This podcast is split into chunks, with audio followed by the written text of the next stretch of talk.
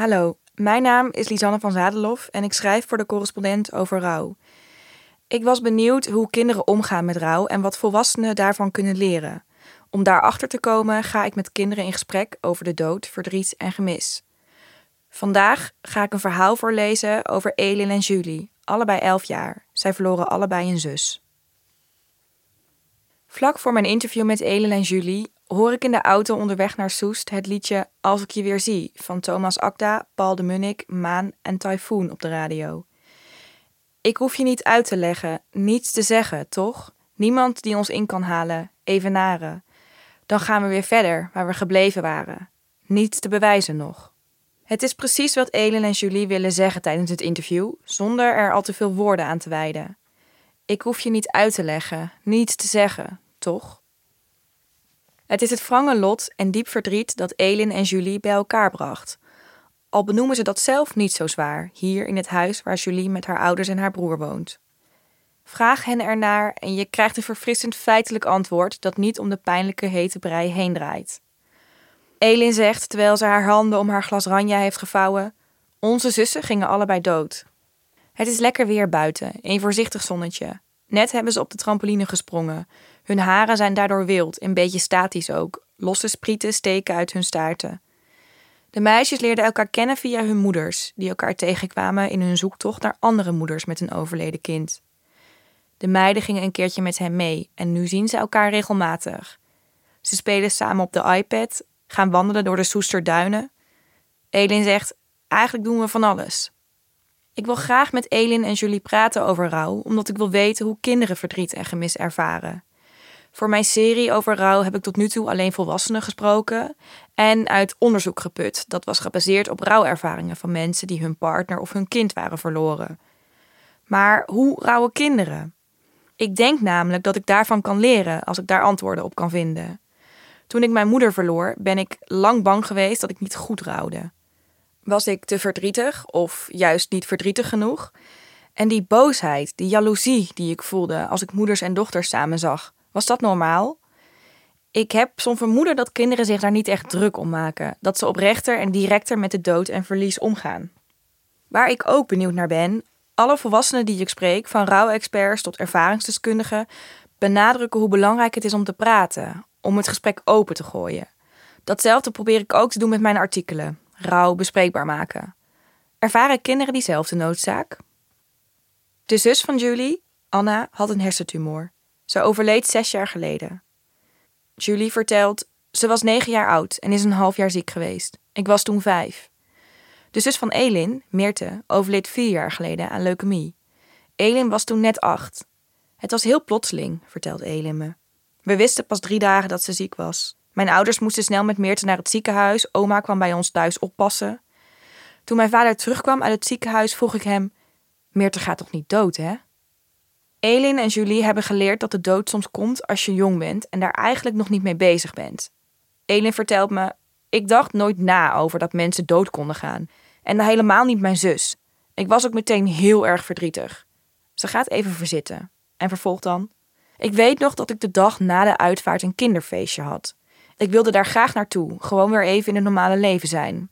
Het was leuk, we deden een spel, maar daarna moest ik weer de hele tijd aan meer te denken, die nooit meer kan spelen. En de andere kinderen speelden maar door. Toen voelde ik me best rot. Er wordt veel geknikt tijdens het gesprek. Nu is het Julie die haar hoofd bevestigend beweegt. Je hoeft niet te weten wat rouwen is om het te doen, leerden deze meisjes mij. Je hoeft geen woorden te gebruiken om aan elkaar uit te leggen. Ik voel hetzelfde. Als ik ze vraag wat rouw betekent, blijven ze stil. Met de term dood kunnen ze beter uit de voeten. Julie vertelt: Ik wist vroeger niet zo goed wat het betekende als iemand dood was. Niet zo goed als dat ik het nu weet, dat iemand heel lang weg is. Elin vult aan en niet meer terugkomt. Julie knikt weer. Ze sommen op. De dood betekent volgens hen iemand missen om mee te spelen, ineens veel te veel ruimte hebben op de bank, een verdrietige vader of moeder, huilende opa's en oma's, wat een gek gezicht is, ineens een lege stoel aan de eettafel, niet meer tegelijk naar bed gaan, geen discussies meer over wie er dan toch later mag opblijven. Geen ruzies meer over wie er op de iPad mag. Alleen naar het zwembad tijdens kampeervakantie. Julie heeft nog een broer, met wie ze kan zwemmen, al is die soms ook wel vervelend. Ze lachen. Op school is het soms lastig om verdrietig te zijn, zeggen ze beiden. Want het is eigenlijk een plek waar je heel goed lol kan maken en waar je dingen hoort te leren. Verdriet is dan op zijn zacht gezegd niet heel handig. Bovendien is het lastig om te laten zien aan klasgenootjes. Julie zegt daarover: Kinderen denken vaak dat je alleen maar verdrietig kunt zijn als je huilt. Ze had daar al snel een oplossing voor. Ze nam haar knuffel Olly mee naar school. Als ze verdrietig was, mocht ze die uit de la van de juf pakken. Dat was wel fijn, zegt Julie, want dan hoef je het niet te zeggen. Bij Elin in de klas had elk kind een houten blokje met gekleurde stippen erop. Als je het blokje met de rode stip naar boven legde, op tafel, dan betekende dat niet storen. Groen betekende je mag me wat vragen. De oranje stip die op het blokje zat, werd niet gebruikt, vertelt Elin. Dus hebben de juf en ik afgesproken dat ik oranje mocht gebruiken als ik me verdrietig voelde. Ze heeft de stip een paar keer gebruikt. Dat hielp. Maar nu ik in groep 8 zit, heb ik het niet meer nodig. Het vervelende gevoel overvalt me minder vaak, zegt ze. Wat ze het vervelendst vond, was de meester die haar op bepaalde momenten, bijvoorbeeld na Meerte sterfdag, uit de klas haalde om even te praten. Julie begrijpt dat. Je wilt niet speciaal zijn, zegt ze, of anders. Elin, we zijn niet zielig, we hebben iets zieligs meegemaakt. Even zijn ze stil, allebei, shit, een traan, allebei. Daar waar ze van tevoren al bang voor waren, vooral Elin, zo liet haar moeder per mail weten. Ik huil het liefst als ik alleen ben en niemand het kan zien, zegt Elin. Het is anders dan dat je je teen stoot. Dan huil je even van de pijn en dan is het weer over. Nu weet je niet hoe lang dat verdriet duurt. Maar mijn moeder zei dat het niet uitmaakte als ik tijdens dit interview zou moeten huilen. Toch? Nee, zeg ik. Dat maakt helemaal niets uit. Elin vertelt verder over dat dat verdriet zich niet alleen maar in tranen uitte. Een paar dagen nadat Meerte dood was, kreeg ik ook uitslag op mijn armen. Die jeukte heel erg. Ik denk dat dat ook door het verdriet kwam. Met medicijnen ging het weg. Er zijn kinderen, vriendjes en vriendinnetjes en klasgenoten die niets durven te zeggen over kanker of over de dood. Julie vertelt. En als het er dan even over gaat, dan zeggen ze meteen: Oh, sorry. En dan beginnen ze over een ander onderwerp. Of het gaat over overleden opa's en oma's. Maar die horen dood te gaan, vult Elin aan. Er klinkt een beetje boosheid door haar stem, maar ze snapt het ook wel. Ze beginnen niet over mijn zus omdat ze me geen verdriet willen doen. Ze hebben allebei in korte tijd een psycholoog bezocht. Julie vertelt dat ze ging tekenen en knutselen met een vrouw over Anna. Ze maakte een zakdoek met een tekening. Die kon ze dan pakken als ze zich verdrietig voelde. Hé, hey, roept Eden uit. Dat heb ik ook gedaan. Ze lachen, daar aan de keukentafel. Ze wisten het niet van elkaar, dat ze allebei zo'n zakdoek hebben gemaakt. Maar dat hoeft ook niet. Ze hoeven dat niet van elkaar te weten. Het is er nou eenmaal, dat gemis. En doordat ze allebei weten dat het er is, hoeven ze er niet over te spreken.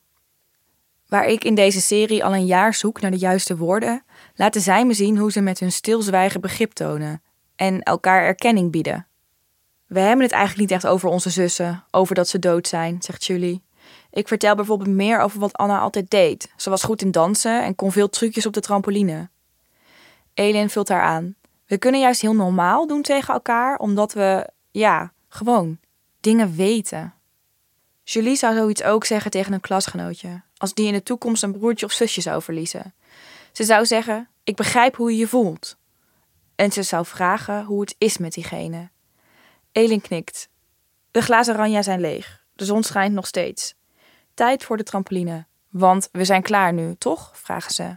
Ja, we zijn klaar. We gaan springen, zo hoog als we kunnen.